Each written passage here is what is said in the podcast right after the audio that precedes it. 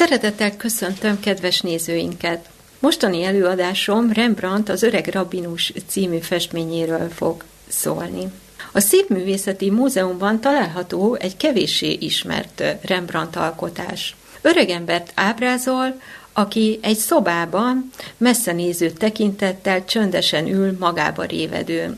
Nem tűnik fel a múzeumlátogatóknak, hiszen semmi szenzáció nincs a képen és a festő egyébként is sötét, mélytónusú színekkel festette, amik az idők során még sötétebbé váltak, hiszen az évszázadok alatt a festékekben lezajló kémiai folyamatok még a ragyogó árnyalatokat is megsötétítik. Nincs tehát semmi szenzáció a képen, ami megállítaná a ma emberét, de aki mégis megáll előtte, és kapcsolatba kerül így alkotójával, ahhoz beszélni kezd ez a kép. Képzeljük magunkat Rembrandt Hollandiájába. Egy független, tevékeny és virágzó nemzet korszakába érkezünk, ahol kereskedő hajók futnak be, távoli tájak értékes portékáit hordozva. Van itt bors Ázsiából, Ceylonról fahéj, malakkai szegfűszeg, a Bangdati szigeteken termett szerecsendió, braziliai cukor, és még sok más értékes portéka. De nem csak a kikötőben folyik a sürgő forgó tevékenység, hanem a piacon is, ahova az árusok hordják be különböző termékeiket. Hollandia földjeit gátakkal hódították el a tengertől, és ezek a földek a parasztok szabad és független birtokai. Mindezeken túl a kézműipar is igen elterjedt, a posztókészítés, a sejemszövés, textilszövés, de ezen túl is a, például a gyémánt és üvegcsiszolás is. A Hollandia vidékén Luther tanításai kedvező talajra találtak és Orániai Vilmos uralkodása alatt Hollandia népe második Fülöp és ötödik Károly kegyetlenségei, kegyetlenkedései után imáron szabadon imádhatták Istent.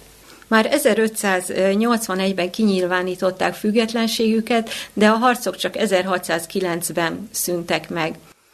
A vallási szabadság miatt a zsidóság számos tagja is itt talált menedéket. És ez nagyon jól jött Rembrandtnak, hiszen amikor szeretett Bibliája eseményeit képzelte a szemei elé, akkor ilyen arcú és ruházatú embereket gondolt el megjeleníteni. Ezért nagyon örült, hogyha találkozhatott egy-egy bölcs férfiúval, egy-egy rabbival, akivel el is beszélgethetett, nem csak megfesthette őket. Így talált festményének modelljére is.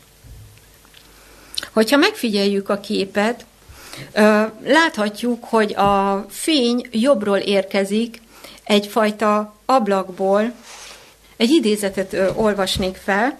Rembrandtot valósággal rabulejtette az öregkor. Számára a halál közelsége egyet jelentett a titkok tudásával. Innen az írás tanulmányozó aggastyánok képmásai, és azok, a templomi jelenetek, ahol óriási oszlopok és barlangszerűen kifürkészhetetlen boltívek tövében öreg zsidók végzik elmélkedésüket. Írja róla Pierre Desargues művészettörténés. Másrészt Rembrandt azért is szeretett idős embereket ábrázolni, mert egy idős arc már önmagán hordozza mindazokat a történéseket, mindazokat az élettapasztalatokat, amelyeket átélt. Így a, egy, egy-egy idősebb arcban a múlt is megmutatkozik, és Rembrandt, mivel szerette a történéseket sűrítette megjeleníteni, erre példa például a Sámson megvakítása című festménye, ahol a múlt, a jelen és a jövő egyszerre jelenik meg, és sűrítve mutatja meg azokat a mozzanatokat, amelyek egymás után következnek, de a képen mégis egyszerre jelentkeznek. Egyébként is szerette az emberi arcot tanulmányozni, e, ezt örökítik meg számos önarckép tanulmányai. Tehát a képen a rabinus egy fotelban ül, botjára támaszkodva. Mellette egy asztalon egy könyv, melyet jobb oldalról megvilágít valószínűleg egy ablak, és nem maga a gyertya világít itt. A kép a perspektíva törvényszerűségeit mutatja meg, egy teljesen valósághű, a tér érzetét keltő szobában ül a rabbinus. Ezt fokozta azzal a eljárásmóddal, ami számos képére jellemző, hogy a lényeget dolgozta ki részletesen, az éles, még a lényektől távolabb eső pontok, azok a homályba vesznek, ugyanitt a szobának is a baloldala teljesen a homályba víz és sötét, és nem is nagyon tudjuk, csak a tapasztalatainkra támaszkodva tudjuk kikövetkeztetni, hogy hát nyilván egy fotelban ülés az van mögötte, illetve a fal, tehát ezzel az eljárásmóddal is a figyelmet irányítja, a másik figyelemirányító ugye magának a fénynek az alkalmazása, amely a rabinus arcára vetül, a kezeit világítja meg, és ahogy a tekintetünk végig pásztáz a képen, lefut a boton a lábaiig, vissza, és aztán jobbra, a, ahonnan jön a fény. Ez egyébként minden barokk alkotásra jellemző. Rembrandt képei híresek barna tónusukról. Ez ennek a képnek is a sajátja. Hogyha megfigyeljük, a kép színei nagy kiegyensúlyozottságot mutatnak. Egyrészt a barna, másrészt a vajsárga jelenik meg, mint ö, ö, fény, és ezt ö, tarkítják a vörös-zöld árnyalatok. A vörös a rabinos ruháján jelenik meg, a zöld pedig inkább a háttérben.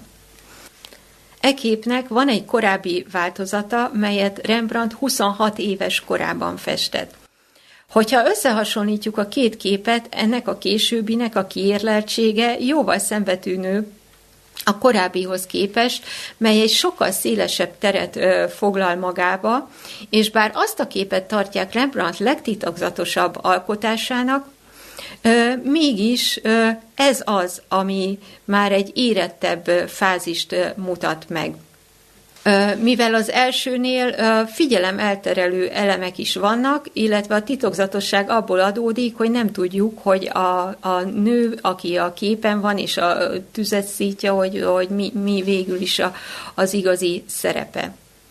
És sokan találgatják ezt azóta is. Vajon mi a könyv jelentősége? A könyv valószínűleg az Ószövetség egy kötete. Adódik ez a már vázolt korból, Rembrandt érdeklődéséből és a rabbinus alakjából is. Ha megfigyeljük, hogy a, mintha a könyvből áradna a világosság, ez utalhat arra is, hogy a te igéd az én világosságom. A, az én lábaimnak szövét neke amely megvilágosít. De hogyha tovább figyeljük és szemléljük a képet, nem csak a könyv világít, a, megvilágítja a rabbinus kezeit is.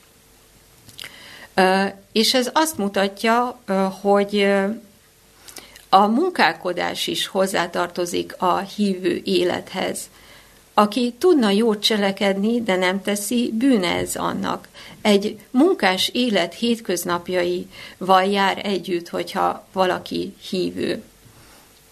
Péter második levelének egy kijelentése, az 1.19-ből, igen biztos nálunk a profétai beszéd, ami a Szentírás szava, amelyre jól teszitek, ha figyelmeztek, mint sötét helyen világító szövétnekre. Ezt fejezi ki a kép sötét tónusa, és az, hogy nem a gyertya világít.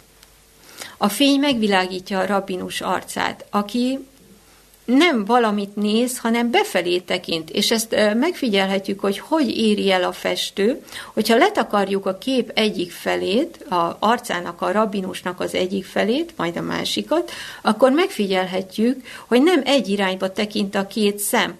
Így éri el, hogy ha ránézünk a rabbinus arcára, látjuk, hogy befelé tekint, és ez utal arra, hogy ahhoz, hogy megértsük a Biblia szavát, ahhoz a Szentlélek ikletése szükséges. Magunkba kell nézni, és, és a, a, az Isten által vezetett úton kell megértenünk, hogy mire akar rávezetni. És ez az, hogyha megismertük a Bibliát, és megismertük a szavát, akkor ez cselekedetekbe is meg fog nyilvánulni. Ezért világít a rabbinus keze, mert hogy a ti hitetek mellé ragasztatok jó cselekedetet, és aki nem cselekszik jót, bűne az annak, mondják más igehelyek. Tehát egy munkálkodó, tevékeny élettel jár együtt az Isten követés. És hogyha követjük a fény útját, ugye alul is, a lábainál is egy kicsit meg van világítva, és ezáltal, mintha megemelné az egész alakot. Mert gondolhatunk itt arra, hogy a te igád könnyű, Példabeszédek könyve mondja. Az igazak ösvénye pedig olyan, mint a hajnal világossága, mely folyton halad, és egyre világosabb lesz a teljes délig. Négyedik fejezet 18. vers. A jó cselekvésére pedig az Isten és a megváltó munkája iránti hála késztet. Mert az az Isten szeretete, hogy megtartjuk az ő parancsolatait, az ő parancsolatai pedig nem nehezek. János első levele, ötödik fejezet, harmadik vers. A kép tehát egy példázattal ér fel. Vajon mennyire volt ez tudatos Rembrandtnál? Hogyha megvizsgáljuk az életét, azt kell mondanunk, hogy biztos, hogy tudatos volt, hiszen ő maga is komolyan tanulmányozhatta valószínűleg a Bibliát, hiszen édesanyját is Bibliát olvasva ábrázolta. Számos modellt Bibliát olvasva ábrázolt. Egy menonita prédikátort és feleségét Bibliát olvasva és tanulmányozva ábrázolt. És a mai napság már a képeket röntgenkészülékekkel és mindenféle elemzésekkel vizsgálgatják, de ilyen módon nem juthatnak a Rembrandti titokra, mert a titok nem abban van. A titok abban van, hogy a szél fú, ahová akar, és annak zúgását halljátok, de nem tudjátok honnan jő és hová megy. Így van mindenki, aki lélektől születik.